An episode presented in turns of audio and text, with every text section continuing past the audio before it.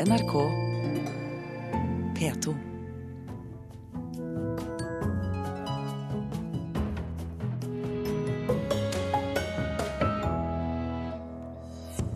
Kun tre av ti rydder aktivt informasjon om seg selv på sosiale medier.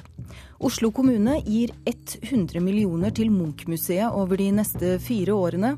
Og forbilledlig nyansert, sier vår anmelder om biografien om Kåre Valebrokk. Du hører på Kulturnytt i P2s Nyhetsmorgen. I studio i dag sitter Elisabeth Tøtte Hansen. Kun tre av ti rydder altså aktivt i bilder og informasjon som finnes om dem på sosiale medier, mens noen mener det har blitt mer akseptert å legge ut festbilder, oppfordrer lederen for Norges største IT-selskap til opprydding. Her er det et fra russetida. Her hadde vi, det er veldig, Jeg syns det er et morsomt bilde. Vi er i hvert fall veldig i det. Bilder fra russetida, dårlige spøker og lite gjennomtenkte kommentarer. For studenter på Universitetet i Oslo, og for alle oss andre, er tommelfingerregelen at det vi deler på internett, blir liggende om vi ikke sjøl rydder opp. Altså, jeg syns det er litt overraskende at uh, såpass mange ikke sletter eller i det minste oppdaterer uh, data om seg selv. Det sier Terje Mjøs, som leder Every, Norges største IT-konsern. For ei undersøking han har bestilt fra Ipsos MMI, viser at bare tre av ti av oss aktivt sletter data om seg sjøl på sosiale medium. Det er jo sånn at det som er publisert for kanskje seks eller seks måneder eller ett år siden, eh, sikkert var en god idé, men etter tid så kan det vise seg ikke være så eh, veldig smart. Av 1005 respondenter svarer kun 10% at de i stor grad sletter data om seg sjøl på sosiale medium. Ytterligere 20% svarer at de sletter i noen grad, og menn bruker delete-knappen enda litt mindre enn kvinner. Man burde kanskje tenke på at man trenger en type vårrengjøring, eh, kanskje hver sjette eller en gang i året. Og, og gå gjennom hva man har liggende ute, og, og gjøre justeringer og slette det som ikke er like relevant lenger. Undersøkinga er gjort i samband med den store konferansen IT-tinget, som i dag åpner for 30. gang i Tønsberg. Og selv om de fleste av oss ikke tar grep for å pynte på inntrykket vi gir, har hele tre av fire sjekka hva som er publisert om oss på nett. Ja, hvis det er bilder jeg ikke liker, så ber jeg dem gjerne om å fjerne de. Det er jo ikke noe gøy å vite at hvem som helst kan laste ned bilder av meg som jeg ikke vet er der ute. Men så tenker jeg samtidig, det er jo det er jo en del av livet, det òg. Folk vet jo at vi fester. Det er jo ikke en hemmelighet. Men eh, litt, eh, litt, kontroll er det jo greit å ha. Man kommer i en ny livs, livssituasjon. Uh, altså, livet rett og slett endrer seg litt. Og da er det ikke alltid at man ønsker å fremstå som den man gjorde før, på nett. Hans Marius Tessem leder den statlige rådgivningstjenesten slettmeg.no. Han mener mange nå har fått et mer avslappa forhold til hva slags inntrykk eller avtrykk vi har på nett. Mange av de jeg snakker om med i f.eks. HR-ansvarlige som skal ansette folk i bedrifter, de sier jo at det er ikke så farlig om det ligger ting om deg på nettet. Eh, ofte så er det vel mer det man føler på sjøl, at man kanskje skulle ønske det var borte. De tilfellene hvor vi ser at det er alvorlig at ting ligger på nettet, det er når du har ytra deg eh, kanskje ganske eh, sterkt i en eller annen retning, f.eks. rasistisk, eller eh, hatt noen sterke meninger som kanskje ikke er helt forenlige. Da kan det bli problemer for deg. Hvis du ligger og spyr på en fest, og det er bilde av det, så er jo ikke det Det selger deg jo ikke. Ja, sånn som her, det er jo bare tull, ikke sant. Men uh, det hører jo til russetida. Reporter her, det var eh, Sondre Bjørdal. Ingeborg eh, Woland, spesialrådgiver for sosiale medier i NRK. Få sletter altså informa informasjon om seg selv på sosiale medier, hører vi her. Hva, hva synes du om det? Altså, dersom det hadde vært sånn at eh, de fleste av oss hadde hatt noe å være flaue over på internett, eh, så er jeg helt enig med Evry-sjefen i at det her er noe vi burde ha et bevisst forhold til. Men jeg leser eh, undersøkelsen først og fremst sånn at de fleste av oss er ganske bevisst før vi trykker på publiseringsknappen. Sånn at vi kanskje ikke har det store behovet for å gå tilbake og redigere fortida vår. Vi kan stå for det vi har lagt ut. Men det at tre av ti ikke sletter informasjon, er det et høyt tall, eller?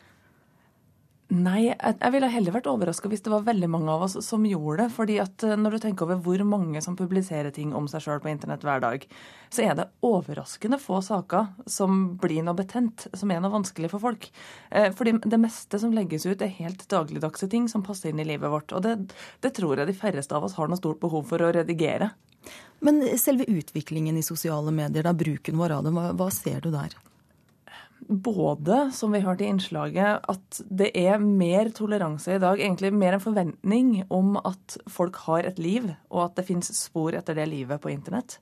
Eh, der er jeg helt enig med han eh, fra slettmeg.no som sier at HR-sjefer eh, og folk med ansettelsesmakt ikke tar akkurat det så tungt. Så vi ser absolutt en større toleranse for at det finnes spor etter oss på internett. Og så syns jeg vi ser en økende bevissthet.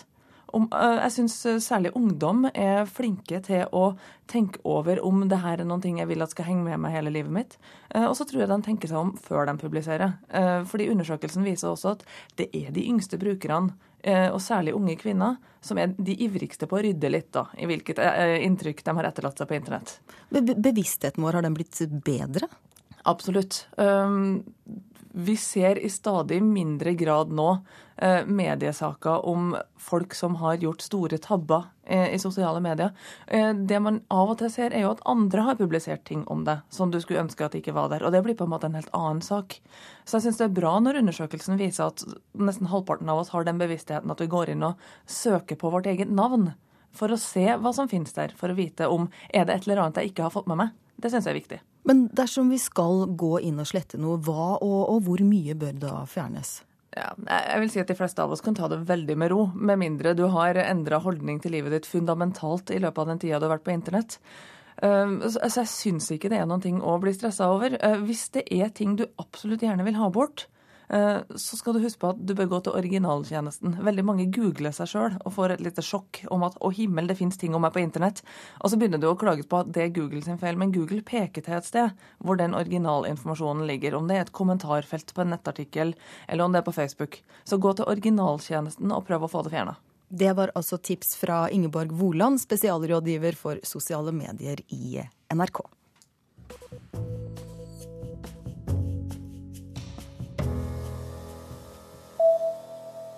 Oslo kommune gir 100 millioner til Munch-museet over de neste fire årene. 40 millioner skal gå til å pusse opp dagens museum på Tøyen. 15 millioner årlig de neste fire årene skal gå til å styrke bl.a. formidling, konservering, sikkerhet og beredskap ved Munch-museet, og å forberede samlingen for flytting til nytt bygg. Pengene kommer i tillegg til museets ordinære driftsbudsjett, sier Halstein Bjerke, byråd for kultur og næring vi vil si det viktigste svaret på at vi i Oslo ønsker å forvalte Munch-samlingen bedre, er at vi skal bygge et nytt fantastisk Munch-museum i Bjørvika, Lambda, som skal stå ferdig om fem år. Så er dette en erkjennelse av at vi må gjøre noe i det bygget eh, bildene er i dag. Det visste vi også uh, under Lambda-debatten for et år siden, når man så på de ulike alternativene og bl.a. nullalternativet. Hva skjer hvis bildene skal fortsatt være på Tøyen. Da visste vi at vi måtte gjøre noe rehabiliteringsarbeid knyttet til forsvarlig luftkvalitet, brannsikring og en del andre eh, nødvendige rehabiliteringsanlegg i dette gamle bygget. Eh, og så er det selvfølgelig forberedelser til flytting til nytt museum. Da må vi konservere hele samlingen, sånn at samlingen tåler å flyttes. Og så må vi også arbeide hele veien med å øke kvaliteten på formidling og forskning ved museet. Også Middelalderparken får eh, penger de neste fire årene, for Oslo kommune vil bruke rundt 26 millioner kroner på å sette i stand området rundt eh, parken. Det går fram av kommunebudsjettet som legges fram senere i dag.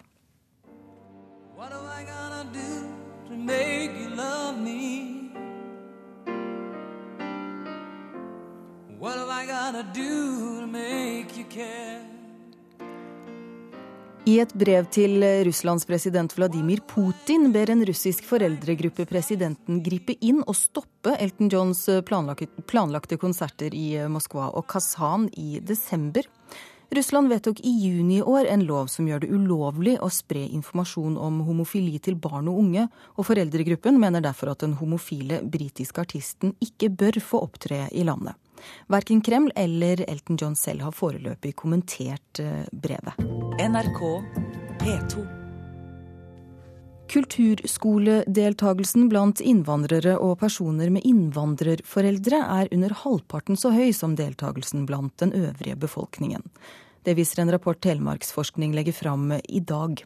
Forskningen er gjort i fylkene Telemark, Vestfold og Buskerud, og Bård Kleppe, kulturforsker ved Telemarksforskning og ansvarlig for rapporten. Hva er grunnen til at innvandrere ikke bruker dette skoletilbudet like mye som andre? Nei, Vi eh, identifiserte fem eh, barrierer, eh, unnskyld, seks barrierer for deltakelse som vi mente var vesentlig. Eh, økonomi eh, mener vi er en vesentlig grunn. Eh, språk, både når det gjelder informasjon, når det gjelder undervisningssammenheng, når det gjelder kunnskap om kulturskolen. Tilgjengeligheten Eh, mange innvandrerforeldre har ikke bil og kan ikke bringe og hente barn, f.eks.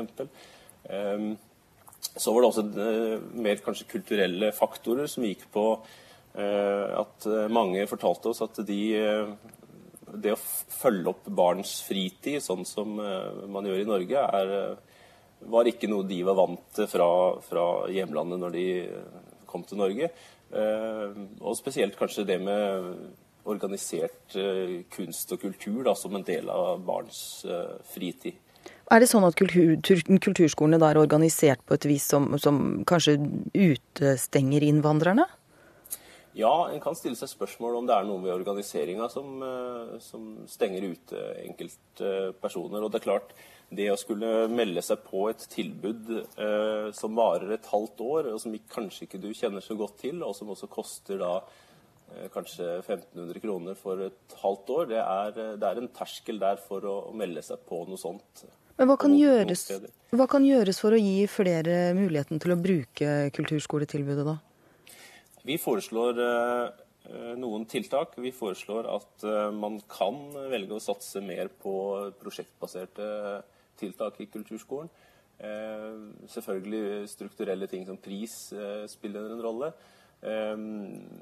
vi også så at mange mente at, at kultur, eller tilbudene som var i kulturskolen, var ofte prega av norske og vestlige kulturuttrykk. Og kom man fra, en, fra, et annet land, så kanskje man også hadde lyst til å lære barna sine noe av sin egen kultur, og bringe noen av de verdiene og tradisjonene videre. Um, men kanskje viktigst så så vi at uh, det med informasjonsarbeidet er ganske svakt uh, per i dag. Sånn at uh, sjøl om kulturskolene er lokalt organisert, så tror vi at det er noe man kan gjøre på sentralt hold for å, for å løfte det, den utfordringen her. Når du sier sentralt hold, hva, hva tenker du rent politisk, eller hvor er det man må gå inn og jobbe med dette? Jeg tenker noe så konkret som eh, å jobbe med noen felles løsninger for eh, kommunikasjon. Eh, kanskje brosjyrer på ulike språk som, som gjelder på en måte for, for alle kulturskoler. Fordi at selv om de er lokalt organisert, så er det et, en struktur som man finner over hele landet. og ja, det er en, del av, en, viktig del av den norske kulturpolitikken. rett og slett. Men, men, hvilken betydning har det at uh, så få innvandrere bruker kulturskolen? Nei, Det er jo for så vidt et godt spørsmål. Det er klart at, eh, og det er jo relevant for kulturskolen å si noe om. Man har jo hatt en kanskje litt hårete målsetning om at kulturskolen skal være for alle. Og skulle kulturskolen være for alle, så kunne man kanskje like gjerne lagt den inn i skolen som en obligatorisk undervisning. Eh, men eh, nå er det engang eh, et frivillig skole, tilbud som, som, er på siden for de som er spesielt interessert. Så, så da må vel kanskje kunne si at det viktigste målsetningen er hvert fall at alle har like god tilgang til kulturskolen. Takk skal du ha, kulturforsker ved Telemarksforskning Bård Kleppe.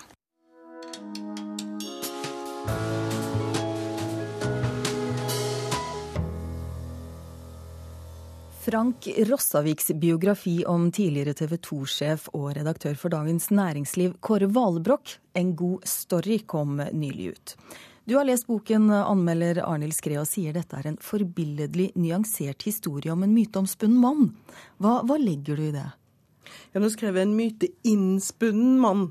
Myteinnspunnen? Eh, og, og det er noe av det som eh, gjør utfordringa, fordi det, Kåre Valbrok var jo en medieleder som var veldig kjent, og han likte å framstå offentlig. Men i dette bildet han og andre skapte av han i offentligheten, så er det jo helt klart at det er en en, Jeg vil ikke kalle det maske, men det er en sånn myte som, som blir gjentatt og gjentatt og gjentatt. og og, Rossavik dokumenterer det at i intervju etter intervju etter intervju så går de samme historiene, de veldig gode og slagferdige historiene igjen. Men det som jeg syns er flott i Rossaviks bok, det er at han går inn og stiller spørsmål ved disse mytene. Ikke fordi de nødvendigvis er usanne, men han skal i hvert fall finne ut hva som ligger i det, og om det har grunnlag. Og det gjør han på en veldig åpen måte, syns jeg. og og han gjør det på en nyansert måte ved at noen ganger han lar de stå, han forteller de, men samtidig så forteller han hva han finner ut, og så stiller han en del spørsmål også som han ikke får svar på. Og dette å tørre å la så mye stå åpent og motstridende og klart for leseren til å finne ut sjøl, det syns jeg er veldig forbilledlig. Det er ikke så veldig mange biografer som gjør det. Som ofte så vil vi gjerne eh, biograf sjøl, og vi vil gjerne liksom komme fram til noe sånn endelig. Ehm, men, men, men, han lar det stå i de tilfellene der han ikke syns han finner gode nok svar. Og det viser han til leseren. For du, du har jo nevnt mye, men hva vil du trekke fram som særlige kvaliteter eh, ved boka? Ehm, for det første så er jo dette en viktig person. altså Dette er en av de store medielederne i, eh, i Norge de senere tiåra. Han har jo virkelig forandra norsk journalistikk, altså først og fremst økonomijournalistikken gjennom Dagens Næringsliv allerede i VG. Dette er veldig morsomt som Rossavik får fram. Han begynner som frilanser i VG på 70-tallet og utover. Eh, men gjennom dette så, får dette ringvirkninger. altså Det er en kritisk journalistikk fra veldig ekstremt liberalistisk hold. Det syns jeg er morsomt. Kritikkjournalistikken den kommer jo ofte fra, fra venstresida, men dette er liksom fra høyresida. Og, og, og, med dette så får han en virkning på og andre medier, både innenlands og utenlands, og ikke bare økonomijournalistikken. Jeg ble sjøl henta inn til Aftenposten, som Einar Hanseth har for å prøve å lage en reportasjeavdeling på kulturavdelingen som skulle ligne på det de gjorde i Dagens Næringslivs etter børssider. sånn at eh, han har hatt en veldig stor virkning på norske medier i de siste ti åra, fra 80-tallet av allerede. Men er det noe du savner uh, i boka? Akkurat dette med kulturjournalistikken, der har jeg jo min egen sykemor. Den kunne godt eh, hatt mer om.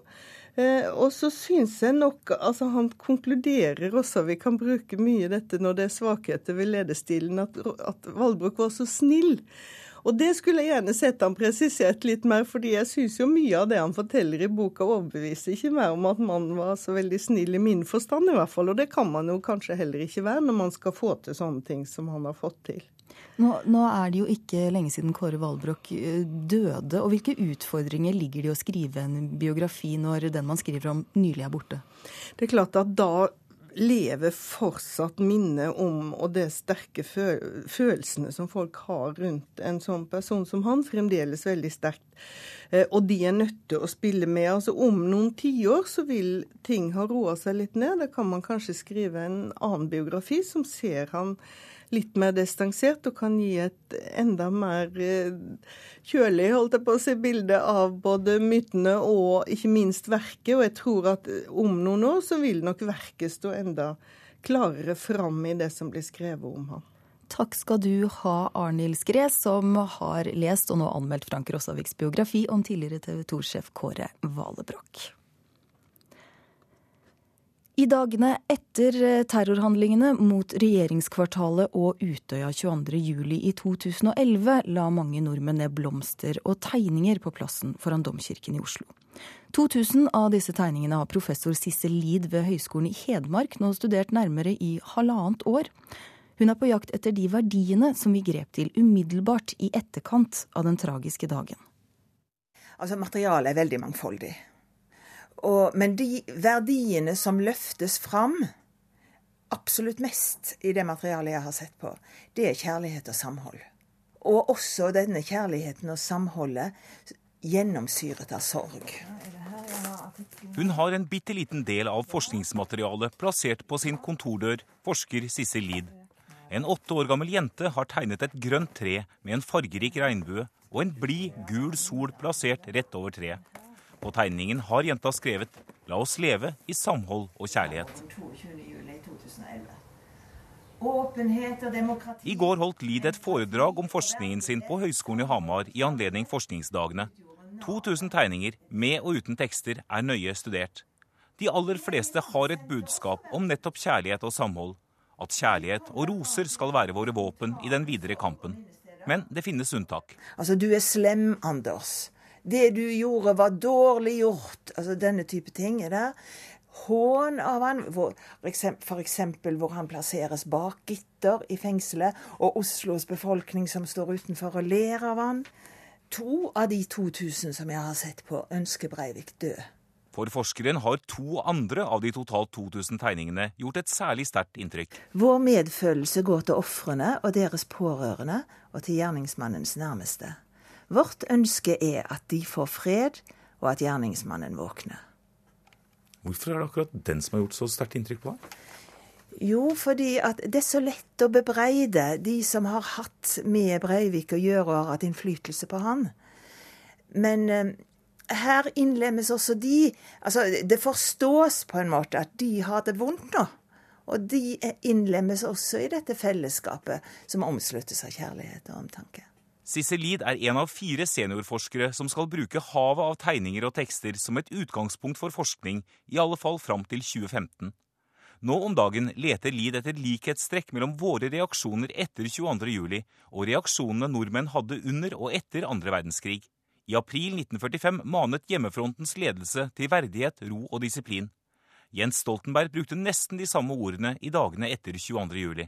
Og når Forsvarets overkommando i mai 45 sier at det er mer i pakt med våre tradisjoner at avstraffelsen skjer gjennom lov og rett.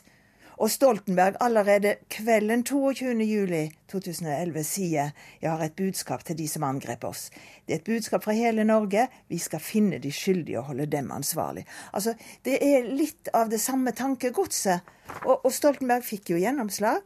Og spørsmålet mitt er da, hadde han fått det voldsomme gjennomslaget som han fikk, hvis ikke denne type tenking lå et sted i det norske kollektive minnet.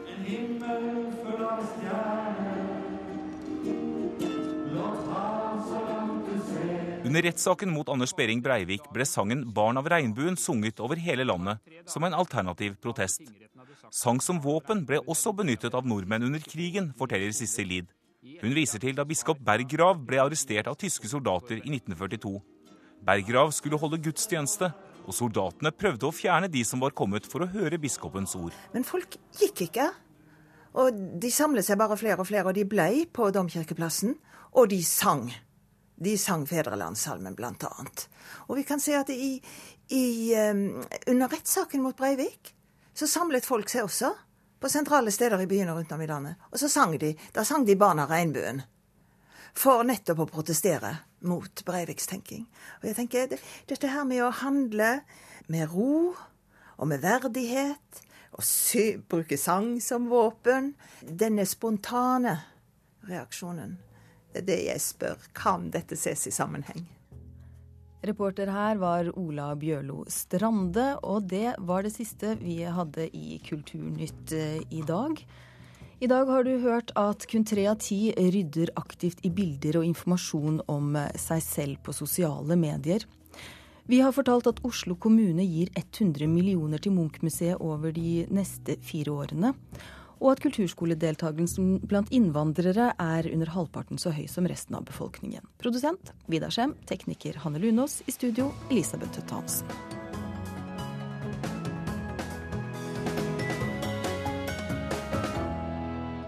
Hør flere podkaster på nrk.no podkast.